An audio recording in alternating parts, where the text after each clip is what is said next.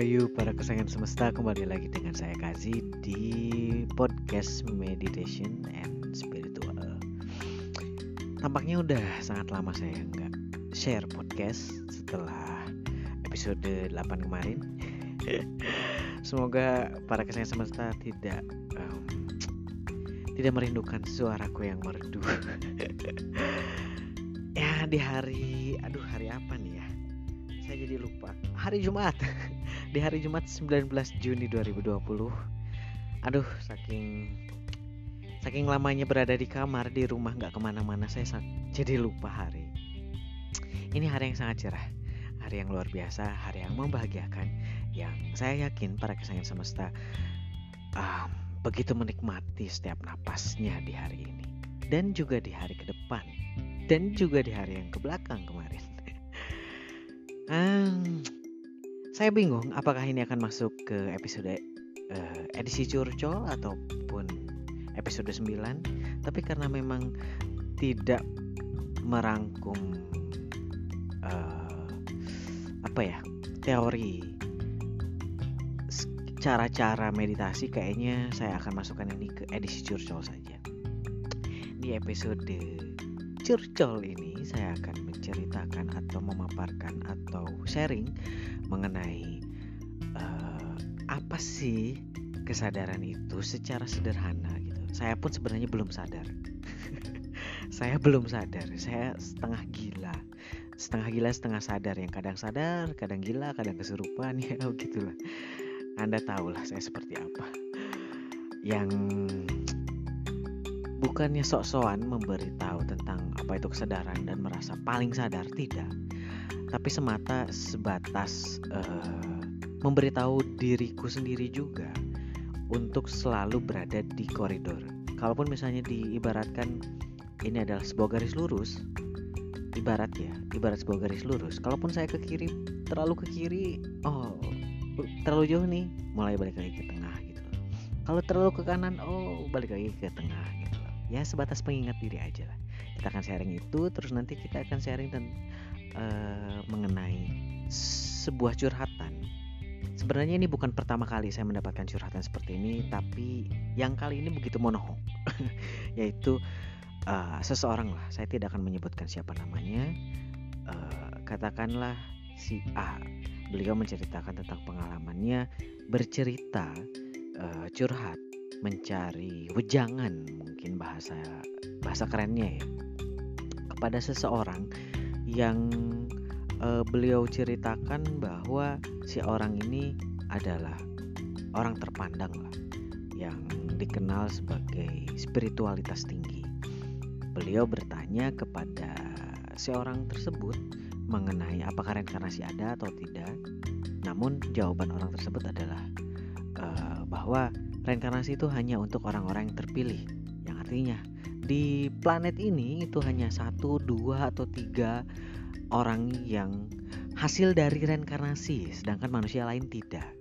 Itu yang membuatnya uh, sedikit galau gitu, bukan sedikit sih, galau, super galau, uh, yang merasakan bahwa kalau begitu Tuhan tidak adil. Itulah. Nah nanti kita bahas di episode episode ini di belakang dan juga ada satu lagi dengan orang yang sama namun beliau menceritakan tentang ibunya yang juga galau ketika menceritakan kepada orang yang sama tentang bagaimana caranya agar saya ikut uh, atau belajar spiritual, belajar tentang katanya di jalan cahaya. Namun jawabannya pun cukup mencengangkan saya juga yang seperti oh, what gitu. Seriously. Yang jawabannya uh, bahwa jika ingin berjalan di jalan cahaya, berjalan di spiritual, itu hanya dapat dicapai oleh orang-orang yang mempunyai tenaga dalam yang tinggi atau tenaga dalam yang besar. Wow, luar biasa bukan? Maka kan nanti kita akan bahas itu di episode ini. Namun sebelumnya seperti biasa, sponsor mau lewat dulu.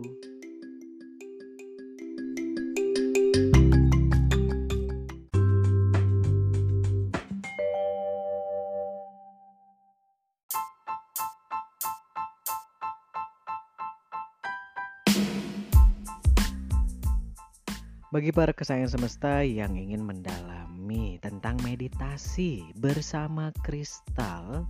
Kami, saya dan tim mendedikasikan dua buah program yang bisa membantu para kesayangan semesta untuk mendapatkannya.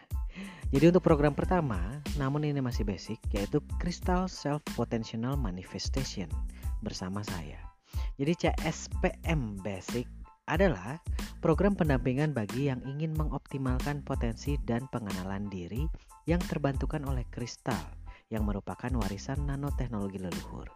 Dengan tujuan keselarasan semesta besar, alam, dan kecil, tubuh yang dibantu meditasi hening bersama kristal, di mana selama ini pikiran dan tubuh tidak terkoneksi secara sadar, pun pada semesta langgeng atau sang diri sejati atau jiwa. Nah, namun bagi misalnya para kesayangan semesta yang ingin memanifestasikan uh, dirinya uh, dibantukan oleh dengan kristal untuk kesehatan atau bagi para kesayangan semesta yang kebetulan uh, sering melakukan terapi atau para terapis dan ingin memakai alat bantu kristal, kami pun mempunyai program yaitu Crystal Healing Self and Therapist atau CHST bersama saya. Jadi program ini adalah pendampingan bagi pasien atau terapis yang ingin mengoptimalkan kristal yang merupakan warisan nanoteknologi leluhur sebagai alat bantu penyembuh, penyembuhan kesehatan fisik dan non-fisik. Dengan tujuan sehat dan selaras dengan semesta besar, alam dan kecil, tubuh yang dibantu meditasi hening bersama kristal. Serta saya pun akan membantu pendampingan untuk keselarasan frekuensi dan vibrasi tubuh secara optimal agar menghasilkan ketenangan luar dan dalam yang kemudian bisa berpengaruh pada pengaplikasian hidup di keseharian. Info lebih lanjut dari dua program yang kami tawarkan ini bisa langsung menghubungi PR di 087737996757 atau ke email kaziotor@gmail.com. Jadi kami akan memberikan PDF-nya yang Anda bisa baca dan pilih sesuai dengan kebutuhan Anda.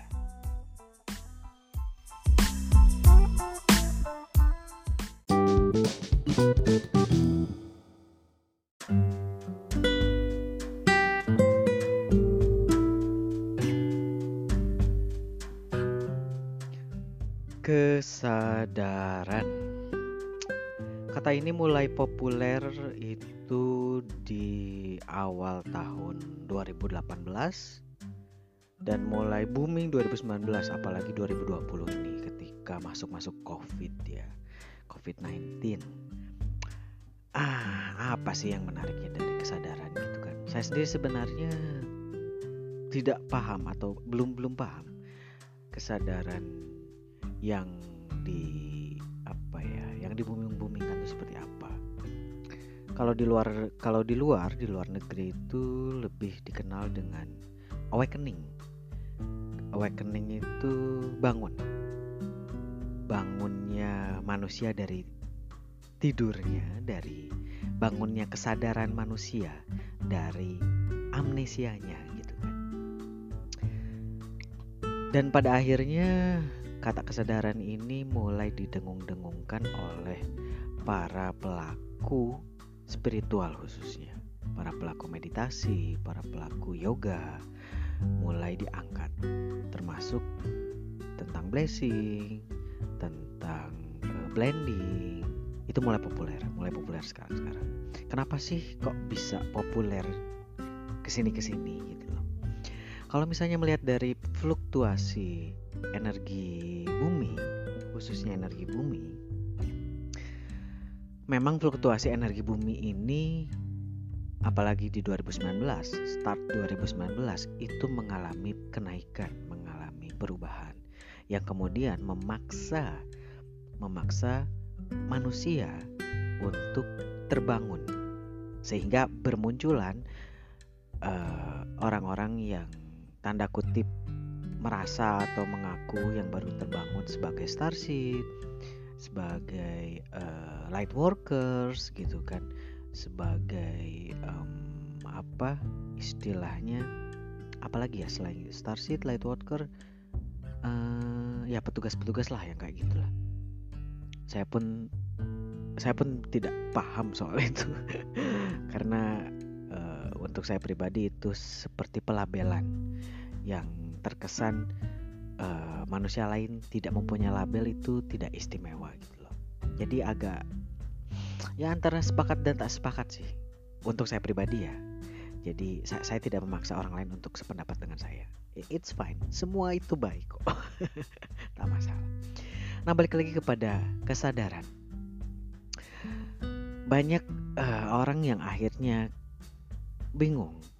Kesadaran itu seperti apa sih dan kemudian mengambil kesimpulan yang begitu rumit tentang kesadaran yaitu adalah ketika misalnya ketika kita mulai terbangun atau misalnya ketika uh, indera kena mulai aktif pituitari aktif uh, ketika kita mulai bisa merasakan rasa empati sensitif terhadap bumi, ibu bumi gitu kan.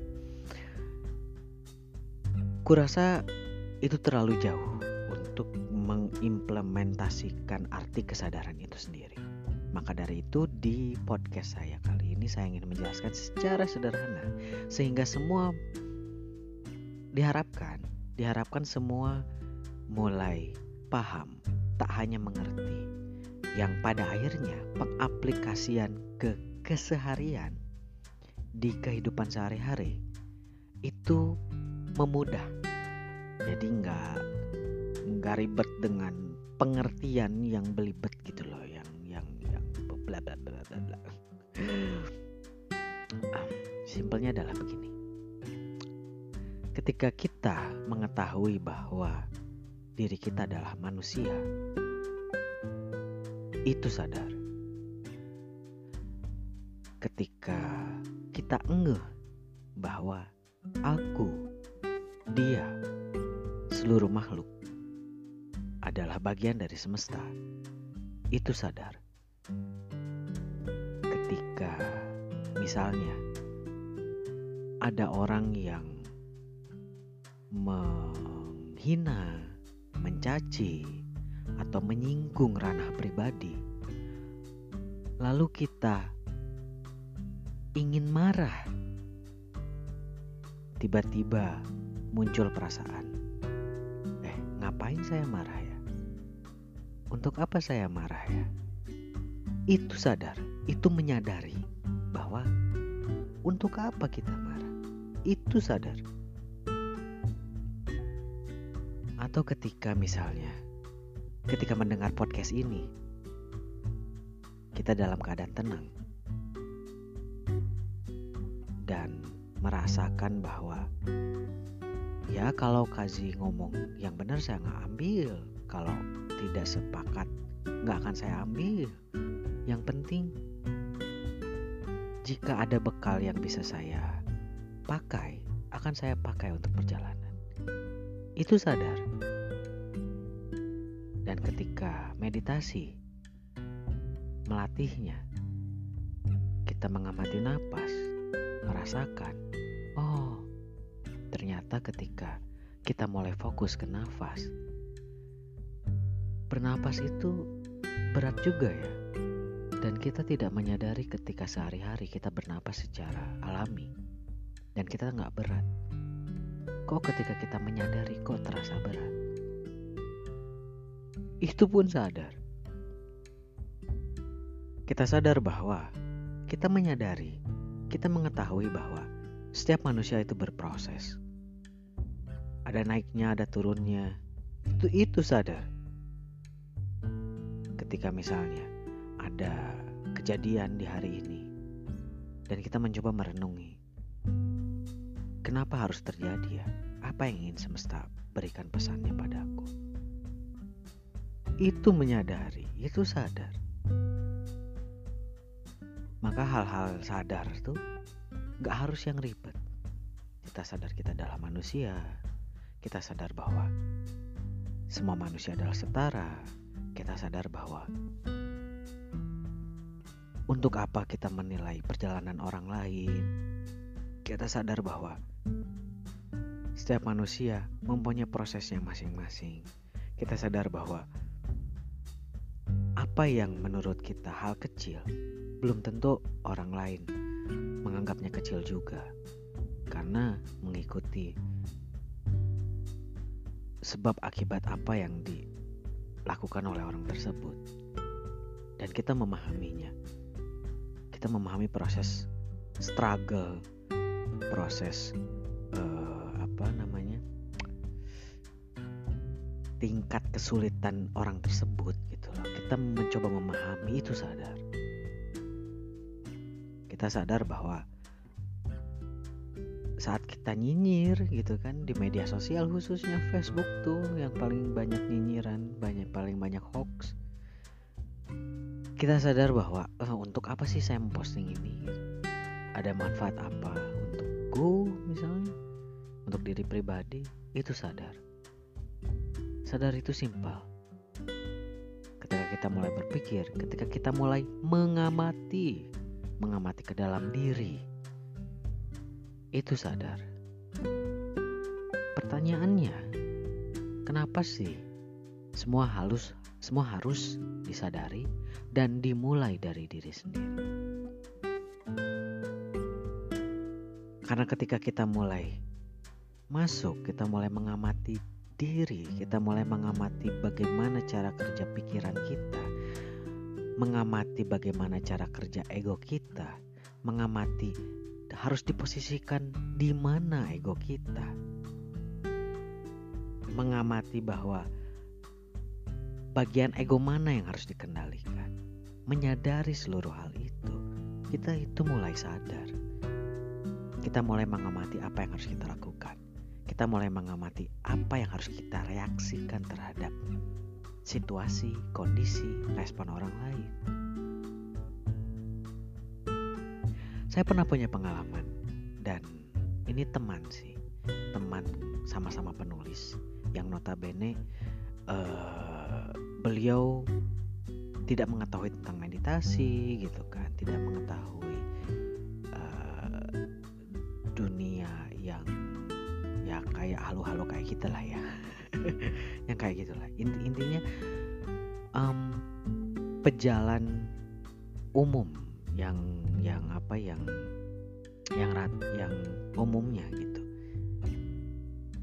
Beliau berteman di WA gitu kan.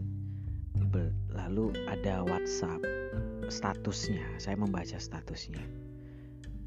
Uh, ada ya orang yang beraninya via status ngomongin orang di status kurang lebih begitulah. Lalu saya menjawab ya ada. Termasuk orang yang bikin status ini.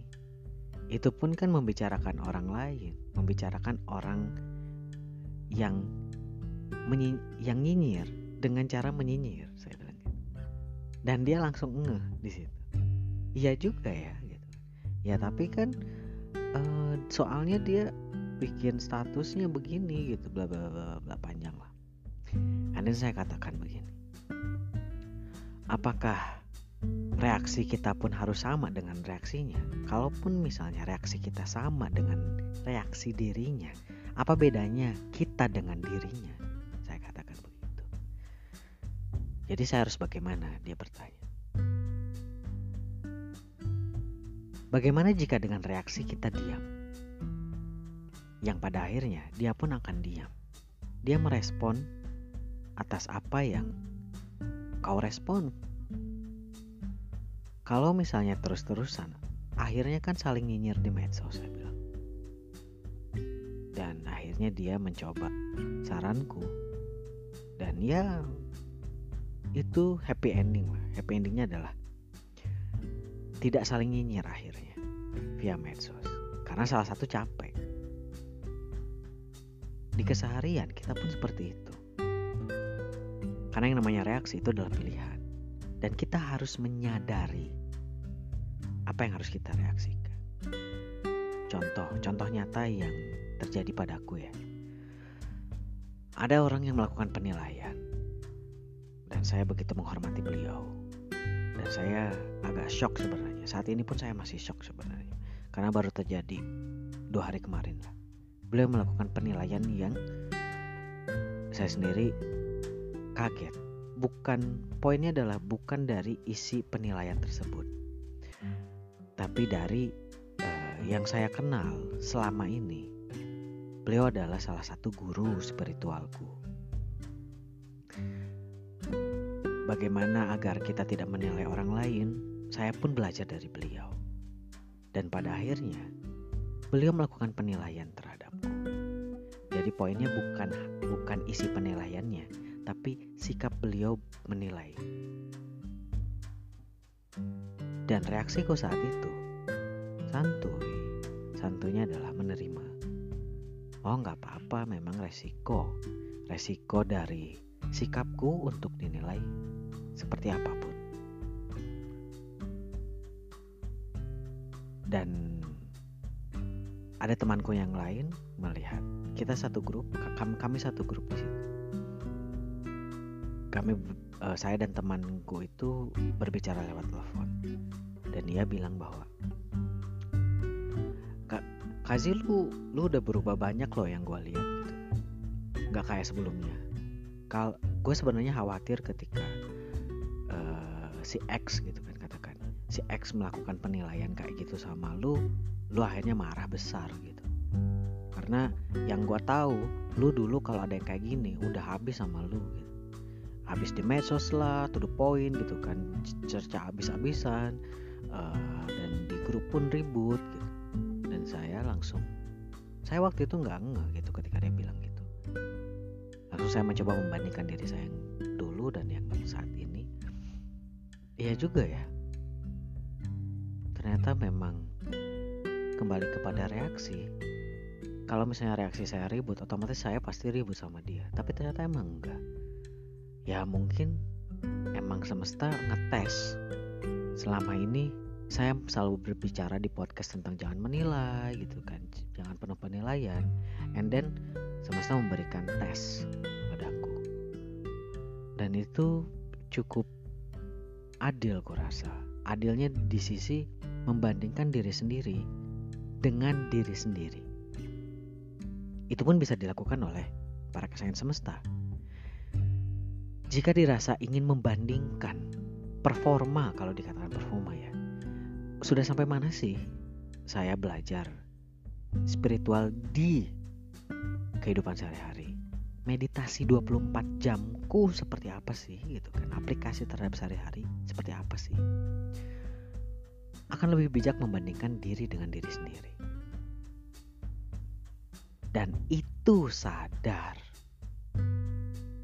jadi tidak perlu harus menjadi peka, tidak harus belajar tenaga metafisik, tenaga dalam, belajar mengaktifkan apa mata ketiga, hanya ingin sadar, no, gak perlu ke sana.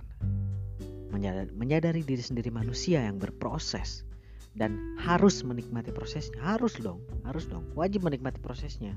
Kalau nggak menikmati, apa kata dunia? Nikmatilah segala prosesnya. Sadari itu sad, sadari bahwa seluruh proses sampai menjadi titik saat ini dan ke depan itu semata untuk pertumbuhan jiwa semata untuk bekal kita kembali pulang. Sadari itu itu sadar. Jadi nggak perlu harus ada yang spesial. Wah saya kan nggak indigo. Apa tuh indigo? Aduh. Saya paling nggak suka kalau ada orang yang bilang ih kasih indigo ya? Hmm saya saya saya pengennya marah. Cuman ah ya udahlah. Uh, cuman bisa bilang ah, enggak saya saya mah bukan indigo saya indogi gitu kan indomie. Nggak perlu yang kayak gitu gitu tidak perlu ada label uh, di depan atau di belakang nama sebagai indigo sebagai starseed sebagai light worker light light worker gitu tukang lampu gitu kan sebagai uh, apalah istilahnya oh saya dari gugusan mana gitu kan reinkarnasi di gugusan mana bla bla bla bla nggak gak usah. Sadari saja dirimu adalah seorang manusia yang 100% sempurna dilahirkan untuk bertugas. Karena semua manusia dilahirkan pasti mempunyai tugas jadi nggak ada yang namanya embel-embel hanya orang-orang yang terpilih. Anda dilahirkan artinya Andalah yang terpilih. Sadari itu.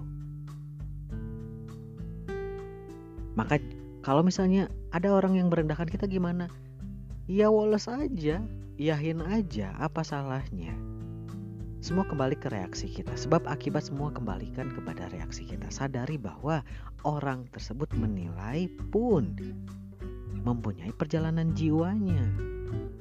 Kadang saya sering di luar mengatakan ah, udahlah biarin masa bodoh. Udahlah biarin bodoh amat. Sebenarnya itu bukan artinya ketidakpedulian no. Tapi sebatas uh, bahasa gaul gitu. Bahasa gaul dari uh, ya dia dia melakukan perjalanannya. Saya nampi udah selesai. Uh, silahkan dengan penilaian. Tapi silahkannya nggak pakai nggak pakai dongkol ya enggak ya silahkan saya saya menerima. Karena pada dasarnya yang namanya kesadaran itu adalah acceptance. Saya baru ingat tentang ini. Penerimaan.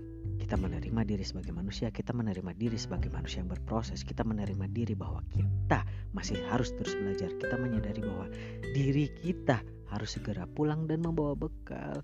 Kita menyadari diri kita setara dengan yang lain. Kita menyadari diri kita adalah bagian dari semesta. Sadari, sadari, sadari, sadari. Kembali kepada reaksi.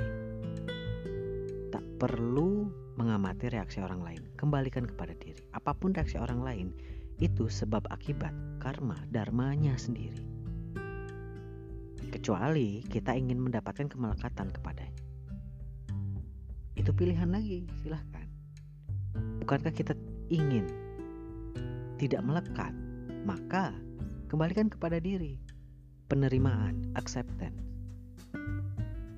Untuk kemudian menyadari lagi sadari acceptance menyadari menerima menyadari menerima itulah kesadaran jadi tak ada embel-embel apa pun nggak perlu ada yang namanya kemampuan khusus. Saya merasa biasa aja saya nggak punya kemampuan khusus. Bukan nggak nggak punya tapi belum menemukan. Makanya sadari kembalikan diri ke, ke dalam diri. Apa yang saya punya saat ini sadari aja dulu bahwa kita manusia dan memanusiakan diri sendiri. Dengan kita sudah memanusiakan diri kita sendiri, maka kita lebih mudah untuk memanusiakan orang lain. Ketika kita menyadari bahwa bahagia itu berasal dari diri, kita tidak mungkin melekat kepada orang lain dan menuntut orang lain untuk saling membahagiakan. Menuntut orang lain untuk membahagiakan diri. No, karena kita sendiri saja sudah bahagia. Yang pada akhirnya kita bisa menyebarkan rasa kebahagiaan itu tanpa meminta balasan.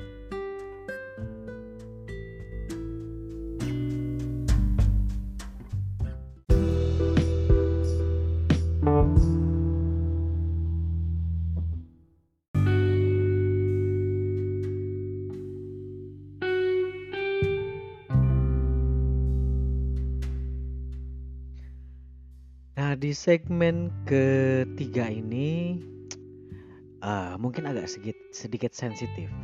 Kenapa saya katakan sensitif? Karena ini masih atau masuk ke dalam ruang lingkup believe or not believe. Karena saya akan membahas tentang reinkarnasi. Tapi lebih mengerucut ya, lebih mengerucut menyesuaikan dengan uh, pertanyaan. Sebenarnya pertanyaannya sudah saya jawab dalam bentuk diskusi dengan si pemberi pertanyaan, namun saya ingin men-share-nya kembali di sini uh, sebatas uh, semoga karena ini bukan yang pertama kali sih, bukan masalahnya karena ini bukan pertanyaan pertama kali yang terlontar pada saya, tapi karena saking seringnya akhirnya saya memutuskan untuk oke okay lah saya bahas saat ini karena pada pada awalnya saya ingin bahas tentang reinkarnasi nanti-nanti masuk ke episode uh, khusus meditasi karena nanti akan nyambung ke sana. Tapi kayaknya ini sedikit krusial. ah, mengenai reinkarnasi gitu. Jadi beliau ini adalah uh, teman di Facebook. Secara pribadi, secara personal saya belum mengenal uh, beliau. Tapi kami berteman di Facebook lah biasalah ya kan? Kalau di Facebook ada pertemanan kadang orangnya nggak nggak nggak kenal gitu hanya hanya teman di Facebook doang. Nah, beliau men, uh, nge-inbox via Facebook Messenger. Uh, beliau bilang saya tertarik uh, Kazi saya tertarik dengan postingan Kazi 14 jam yang lalu. Terus saya tanya postingan yang mana? Karena saya terlalu banyak postingan uh, yaitu tentang yang pada awalnya adalah uh, di setiap kelahiran saya menyukai seni tari gitu kan yang itu postingan yang itu. Uh, yang ingin saya tanyakan katanya kurang lebih lah ya apakah reinkarnasi itu untuk semua orang atau hanya orang-orang spesial seperti Kazi misalnya gitu kan. Nah di situ saya agak wait wait wait wait what what membaca itu saya bilang spesial seperti Kazi oh my god berat berat berat Lalu saya menjawab dengan sok bijak. saya katakan no. Nggak kok, nggak kok saya katakan gitulah. Uh, reinkarnasi itu untuk semua orang, semua manusia uh, reinkarnasi karena semua jiwa itu spesial. Jadi tak ada satu, dua, tiga orang yang spesial. Semua jiwa yang terlahir itu spesial. Karena itulah tak ada penghususan oh yang ini reinkarnasi karena spesial yang ini enggak lu masuk neraka masuk surga. Kagak lah nggak ada yang kayak gitu. Nggak ada nggak ada yang kayak gitu. Nah, lalu akhirnya kami berlanjut diskusi dan kemudian muncullah sebuah cerita yang beliau katakan uh, bahwa beliau mempertanyakan keadilan Rob yang kebetulan beliau ini muslim ya kan keadilan Rob di mana jika ternyata reinkarnasi itu hanya untuk orang spesial. Ya kurang lebih kan akhirnya beliau berpikir bahwa kalau gitu Tuhan gak adil dong gitu ya. Saya akhirnya memikirkan ini katanya lagi karena uh, saya pernah bertanya kepada seseorang yang notabene pakai tanda kutip profiling. Yang saya membaca di situ oh orang yang terkemuka orang yang uh, mempunyai latar belakang spiritual mungkin ya yang yang uh, seseorang yang dijadikan uh, panutan gitu. Beliau bertanya kepada orang-orang tersebut gitu. Dan jawabannya adalah bahwa yang reinkarnasi itu hanya orang-orang yang terpilih yang tanda kutip spesial itu tadi orang-orang yang notabene misalnya mem ditugaskan untuk menjaga bumi, planet bumi gitu. Yang ditugaskan untuk uh, mencerahkan satu-satunya orang yang mencerahkan ya mungkin seperti para nabi dan rasul mungkin ya maksudnya. Jadi yang lain enggak. Yang lain tidak spesial. Yang saya fokuskan di situ berarti kalau yang lain tidak berarti yang lain tidak spesial dan saya katakan no, sama sekali tidak. Setiap jiwa itu spesial, tidak ada yang namanya seperti itu mengapa kita dilahirkan, mengapa kita akhirnya lahir di bumi, mengapa kita akhirnya lahir menjadi manusia. Artinya kan kita spesial. Setiap jiwa itu spesial. Di matanya, di mata Rob, di alam semesta ini, di hadapan sistemnya yaitu semesta. Setiap jiwa itu spesial tak ada yang akhirnya dispesialkan. Tak ada yang disuperiorkan. Apalagi diinteriorkan. Jadi cuman pajangan doang. Kagak ada. Nggak ada yang seperti itu. Semua manusia spesial. Dan mengapa kita dilahirkan? Artinya kita punya tugas, masing-masing punya tugas menyelesaikan karmanya kah, menyelesaikan memang sebagai manusia, memanusiakan manusia lain, memanusiakan dirinya. Itu pun kan tugas. Tidak harus oh, yang namanya tugas tuh harus uh, mempunyai kemampuan khusus. Misalnya yang yang berseliweran di media sosial sana yang tentang oh sini tugasnya nutupin portal dimensi itu spesial, berarti tugasnya spesial. No. Anda misalnya lahir sebagai wanita lalu menjadi seorang ibu. Tugas Anda merawat anak-anak, menjadi seorang ibu yang baik, menjadi diri sendiri, mencari ke dalam diri. Itu tugas Anda. Tugas manusia itu sama sebenarnya, menjadi dirinya sendiri. tak harus ingin menjadi seperti orang lain. Setiap manusia mempunyai kemampuan. Setiap manusia mempunyai kelebihan dan kekurangannya masing-masing. Dan kita harus menyadari, lagi-lagi kesadaran ke sana. Kita harus sadar bahwa kita lahir. Artinya kita spesial. Dan tentu dengan koridor, jangan merasa karena spesial akhirnya menurunkan derajat manusia lain. Itu mah nggak sadar namanya. Namanya megalomania kalau seperti itu kan. Sebuah kondisi psikologis yang merasa dirinya paling wah, paling di antara yang lain dan yang lain lebih rendah darinya. Memang mungkin orang-orang megalomania tidak menyadari ini, makanya itulah yang disebut gak sadar. Secara halus, cerdas gitu kan, mengatakan bahwa ya itu hanya spesial, bla bla bla bla bla misalnya. Tapi dia tidak menyadari dengan perkataan seperti itu. Tanpa disadari itu telah menyakiti manusia lain dan menganggap rendah manusia lain. Kembali lagi ke sadar. Lalu apa yang harus kita lakukan misalnya ketika bertemu orang yang merendahkan yang lain?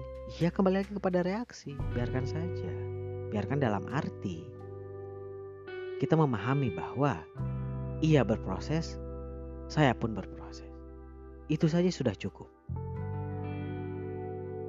Itu saja sudah cukup. Kita menyadari bahwa ia pun berproses. Oh berarti membiarkan dia nggak sadar dong jika misalnya Anda mau mempunyai kemelekatan, melekat dan merasa bertanggung jawab atas kesadarannya, ya silahkan itu pilihan. Kalau saya nggak mau, saya cukup untuk memahami bahwa oh ya, pengetahuannya baru sampai situ tak apa. Memang perjalanannya harus seperti itu. Biarkan, karena saya pun mempunyai perjalanan sendiri yang seperti ini. Dan siapa tahu apa yang ia punyai belum tentu saya punya. Kemampuan misalnya kan atau pengetahuan. Begitupun sebaliknya. Pengetahuan apa yang saya punyai mungkin dia pun nggak punya. Itulah saling menyadari. Jangan sampai ada yang merasa lebih tinggi ataupun merasa lebih rendah. Jangan merasa inferior atau merasa rendah diri. Apalagi tinggi hati Sadari jika misalnya kita mulai meninggi atau kita mulai merendah, kembali lagi ke tengah. Itulah gunanya sadar. Dan sekali lagi, yang namanya reinkarnasi, yang namanya jiwa, jangan reinkarnasinya lah. Yang namanya jiwa semuanya spesial. Yang namanya jiwa, tiap individu itu 100% sempurna.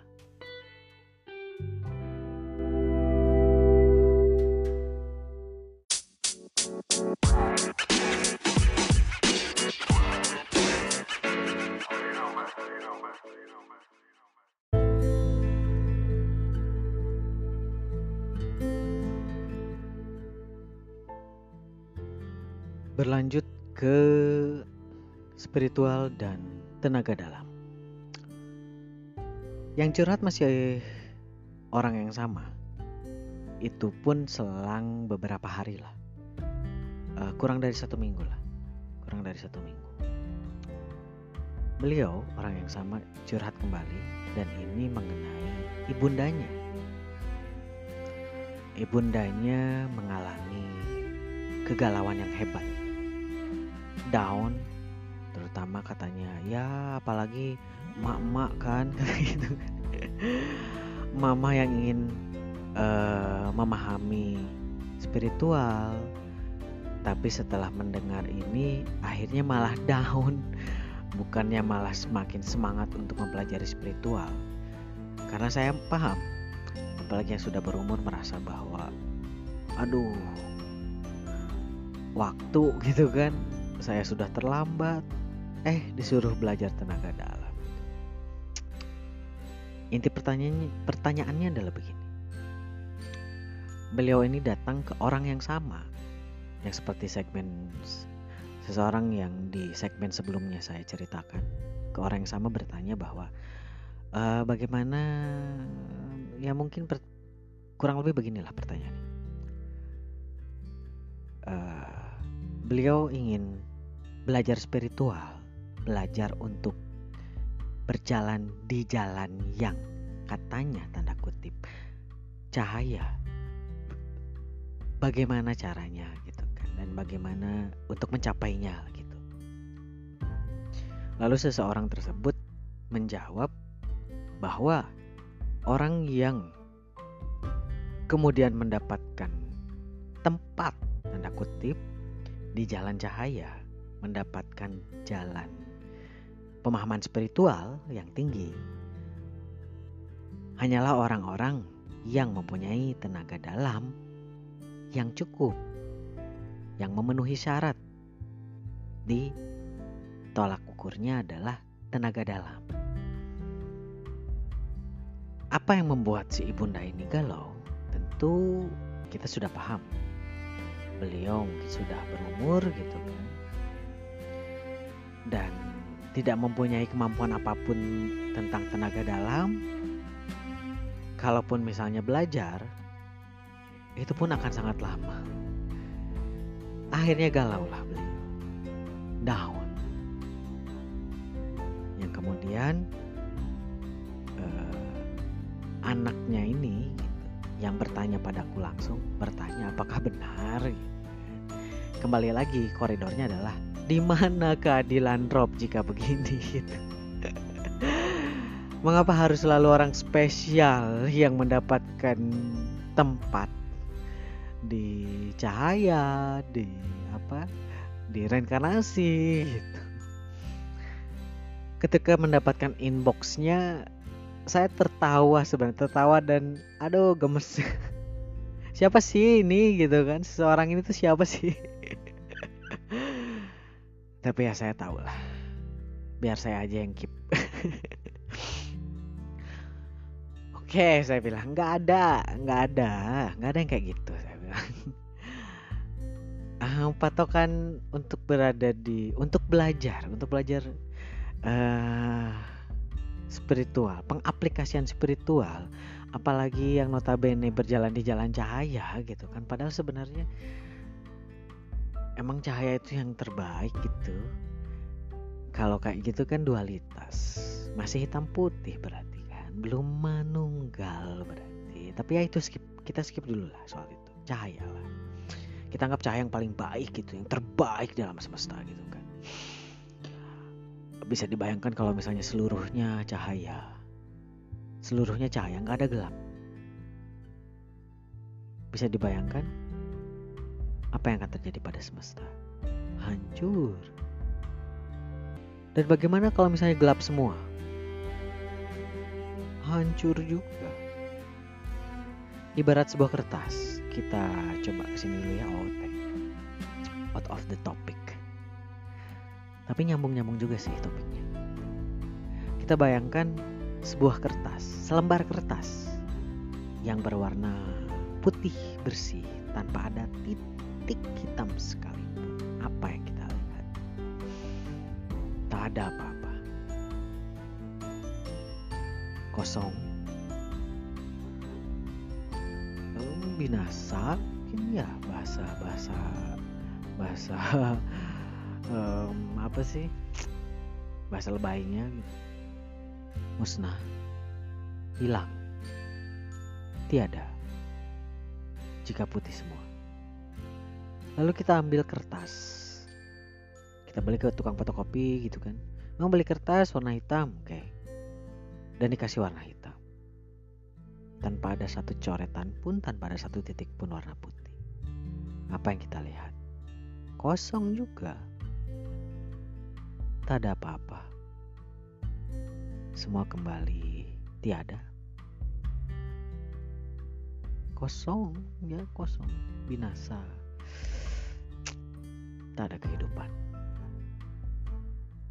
Semuanya harus seimbang. Dan yang namanya seimbang itu tak harus mengikuti hukum manusia 50-50. Belum tentu.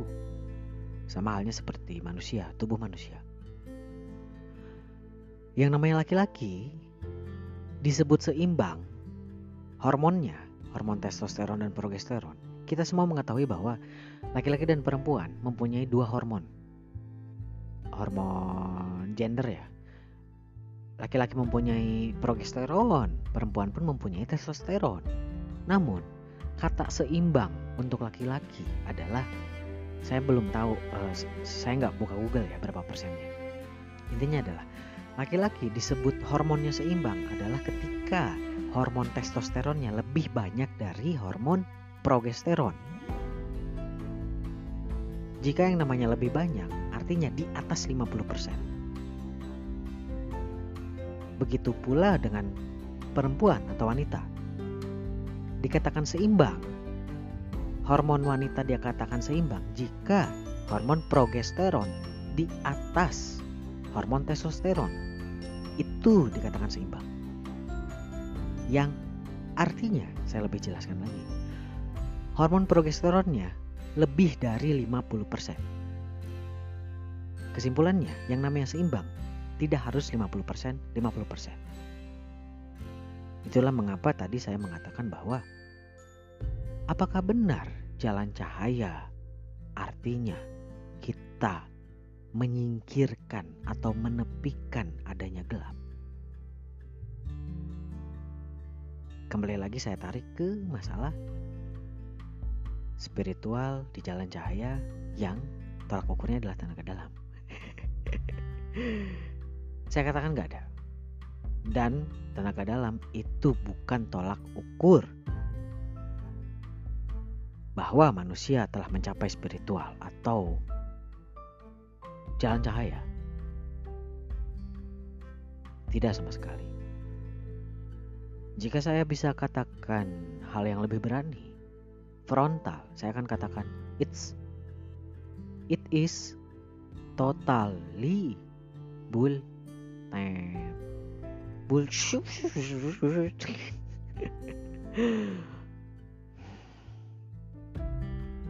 Mengapa saya katakan begitu? Kalaupun misalnya oke okay lah tenaga dalam, tenaga metafisik, uh, apa ya, yang mengetahui energi, itu hanyalah bonus. Itu hanyalah bonus. Yang memang ketika kita mulai berkoneksi dengan semesta, kita akan ke sana. Tapi bukan menjadi tolak ukur. Karena seperti pada umumnya kita mengetahui bahwa masih banyak orang yang akhirnya lupa dengan mempunyai tenaga dalam yang tinggi misalnya bisa bisa menghancurkan segala sesuatu akhirnya muncul rasa sombong bagaimana jika itu terjadi artinya yang namanya sadar itu tidak menjadi patokan tenaga dalam semakin besar akhirnya ia semakin sadar. No. Tenaga metafisik lebih besar atau lebih mempunyai kemampuan yang luar biasa di metafisik. Artinya kesadarannya lebih tinggi. Belum tentu juga. Bagaimana jika misalnya ada orang yang mempunyai tenaga metafisik luar biasa, mempunyai tenaga dalam luar biasa, tapi ia merendahkan manusia lain dan merasa dirinya di atas yang lain? Apakah itu sadar bahwa seluruh manusia adalah setara. Apakah ia, apakah ia menyadari itu kan tidak?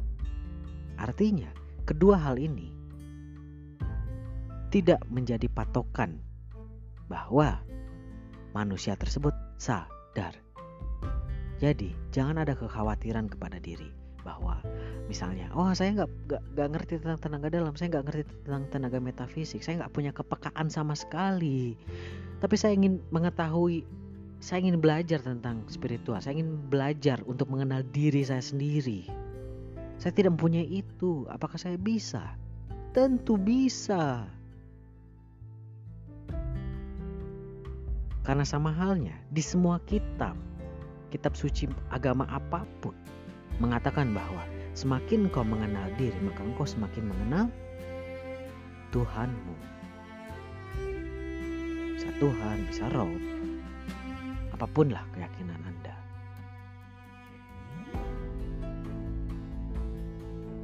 Gak ada kalimat dalam kitab suci yang mengatakan barang siapa yang uh, mempunyai tenaga dalam yang sangat tinggi, mengetahui tentang energi, maka ia dekat denganku. Gak ada.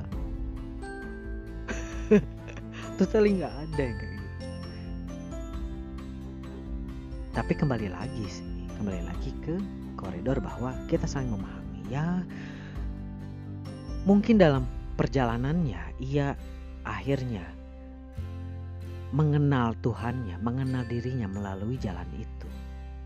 Melalui jalan tenaga dalam dulu baru mengenal. Itu sah-sah saja. Tapi pendapat pribadiku ya, pendapat pribadi saya tidak setuju saya menerima, oke? Okay?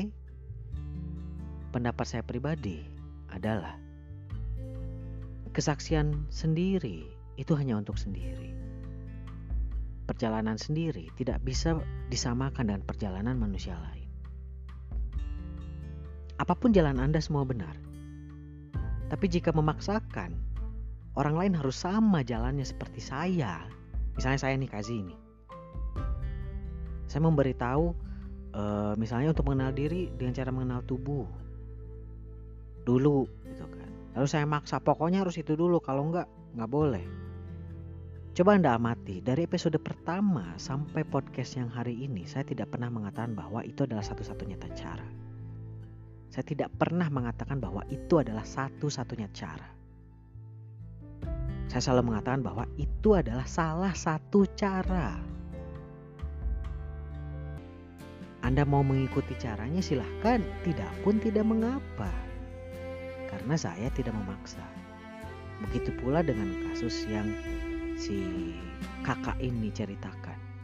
Mungkin jika kita menyelami ke pemahaman, memahami, memahami perjalanan manusia lain, menyadari bahwa setiap manusia itu punya perjalanannya Mungkin orang tersebut akhirnya menemukan Tuhan di dalam dirinya, menemukan siapa dirinya yang sejati melalui jalan mencapai tenaga dalam yang cukup tinggi. Itu bisa terjadi. Tetapi titik yang tidak saya sepakati adalah akhirnya perjalanan beliau yang menstatement hal, hal tadi itu harus disamaratakan dengan semua manusia. Itu yang tidak saya setuju. Karena kasihan, di mana keadilan semesta jika kalau begitu. Setiap manusia mempunyai perjalanan jiwanya masing-masing. Setiap manusia mempunyai bekal yang diberikan oleh semesta masing-masing. Dan semua tidak akan sama, gak akan sama, gak akan sama. Kenapa saya bilang gak akan sama? beberapa teman yang mengikuti cara saya misalnya dengan meditasi mengenal tubuh awalnya sama awalnya sama. Tapi ke depannya itu terjadi perbedaan. Dan kami biasa aja kok. Kami masih berteman kami malah saling sharing. Karena pengalaman masing-masing belum tentu dialami oleh masing-masing yang lain. Kita belajar dari pengalaman orang lain itulah mengapa uh, Harapan saya di podcast saya kali ini, apa yang saya paparkan itu adalah pengalaman saya. Dan kalaupun misalnya ada yang terinspirasi, silahkan ambil saja pengalamanku. Ambil saja pemahaman dari pengalaman saya. Sah-sah saja kan. Dan poin dari spiritual adalah tidak memaksa manusia lain untuk sama seperti diri. That's the point. Karena kita paham setiap manusia, balik lagi ke hal yang reinkarnasi tadi, di setiap kelahiran, setiap manusia mempunyai pelajarannya masing-masing. Dan ketika kelahiran selanjutnya, katakanlah kelahiran hari ini, setiap manusia pun oleh semesta diberikan bekalnya masing-masing dan tidak akan sama. Kalaupun ada kemiripan, yang namanya mirip itu itu nggak sama. Maka sadari bahwa kita berproses dan sadari bahwa Rob semesta itu memberikan kesempatan kepada seluruh jiwa untuk mengenalnya kembali, mengenal diri sendiri. Sadari itu. Karena semua jiwa itu spesial. Semua jiwa setara dengan perjalanannya masing-masing. Maka dari itu kita harus menghormati perjalanan jiwa manusia yang lain. Kan begitu. kembali lagi ke menyadari itu. Itulah kesadaran. So simpel sebenarnya. Tinggal pengaplikasiannya. Itulah. Jadi tak perlu khawatir ibunda. Dan jangan khawatir dengan usia. No, jangan pernah khawatir. Karena Rob, semesta itu maha kasih. Karena dengan ketulusan untuk belajar, untuk terus belajar, mendekat, mengenal diri, mengenal guru sejati di dalam diri, mengenal tiupannya di dalam diri. Rob itu tidak buta, semesta itu pasti tahu perjalanan kita. Gak akan ada yang sia-sia. Maka teruslah berjalan, teruslah masuk ke dalam diri. Terus teruslah berbahagia dari dalam dan selalu tulus selalu tulus yang namanya saling kalau sering kita mengenal saling memakmurkan saling membahagiakan silih wangi saling mewangikan esensinya adalah dengan makna saling sebenarnya esensinya loh esensinya bukan artinya kita menunggu balasan Katakan, saya berbuat baik kepada A, si A. Tapi ia berbuat jahat. Menurut pandangan kita loh jahat ya. Karena untuknya mungkin tidak menyadari telah menyakiti. Jahat kepada kita, lalu kita menuntut. Kan kita harus saling, kenapa kamu enggak? Maka di situ akan timbul kekecewaan. Yang namanya saling esensinya adalah kita jangan pernah kecewa. Yang artinya lagi kita harus tulus melakukan.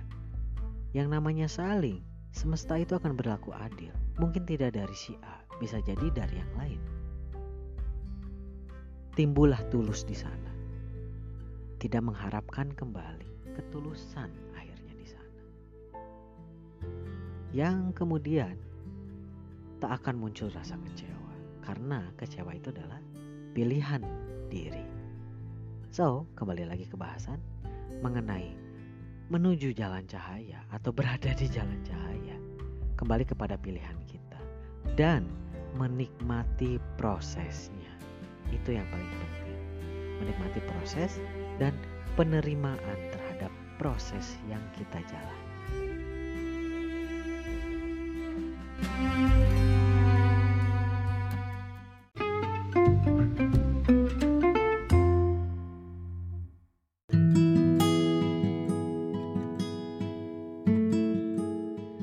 Ya para kesayangan semesta sudah sampai di penghujung episode. Jadi ini adalah penutup. Terima kasih kepada yang sudah mendengarkan. Semoga bermanfaat. Dan saya tidak bermaksud untuk menyinggung siapa pun Ataupun yang ya, ya tersindir atau apa. Saya memohon maaf jika misalnya ada kata-kata yang tidak berkenan. Semata saya hanya menyampaikan apa yang memang perlu disampaikan Kalaupun saya tidak menyadarinya, mohon maaf, tolong sadari saya. Tolong sadarkan saya. nah, kalaupun misalnya ada pertanyaan atau misalnya ada curhat atau misalnya mau sharing, silahkan ke WhatsApp saya tapi jangan lupa untuk mencantumkan nama di 087737996757. Jangan sungkan untuk uh, kita saling sharing, kita diskusi, kita saling uh, menceritakan pengalaman masing-masing ya semata ini pun saya mengumpulkan bekal-bekal dari para kesayangan semesta pengalaman-pengalamannya. Untuk saya sendiri wah egois banget ya. Ya itu saja. Uh, jangan lupa kalau misalnya ada para kesayangan semesta yang ingin membaca buku saya The Gamers of Galaxian dan Just His Words itu bisa langsung memesan di www.kaziauthor.com bisa langsung sana di sana ada langsung ada kontak pemesanannya dan untuk mengetahui uh, buku apa sih itu bisa mendengar di podcast yang berjudul Trailer The Gamers of Galaxian. Itu saja barangkali untuk saat ini. Uh, kalaupun misalnya ada yang ingin menitipkan iklan di podcast, bisa langsung kontak ke WhatsApp. Saya menerima iklan yang ingin Anda sebarkan di sini karena uh, cukup banyak pendengar juga, hampir 2200 2200 lebih lah, 2200 uh, penyiaran. Jadi jangan sungkan untuk jika ada yang ingin menumpangkan atau menyimpan iklannya di podcast saya. Itu saja, kembali lagi. Sekali lagi saya berkata terima kasih. Selamat berbahagia. Jangan lupa bahagia itu berasal dari diri Anda. Dan mak ingat esensi makna saling. Tulus untuk berbahagia, tulus untuk menyebarkan kebahagiaan. Karena dengan kebahagiaan tanpa kita sadari dan harus kita sadari mulai saat ini, kita melakukan blessing 24 jam. Salam Rahayu, salam Namaste. Semoga semua diberkati oleh semesta dan diberi fasilitasnya untuk terus bertugas.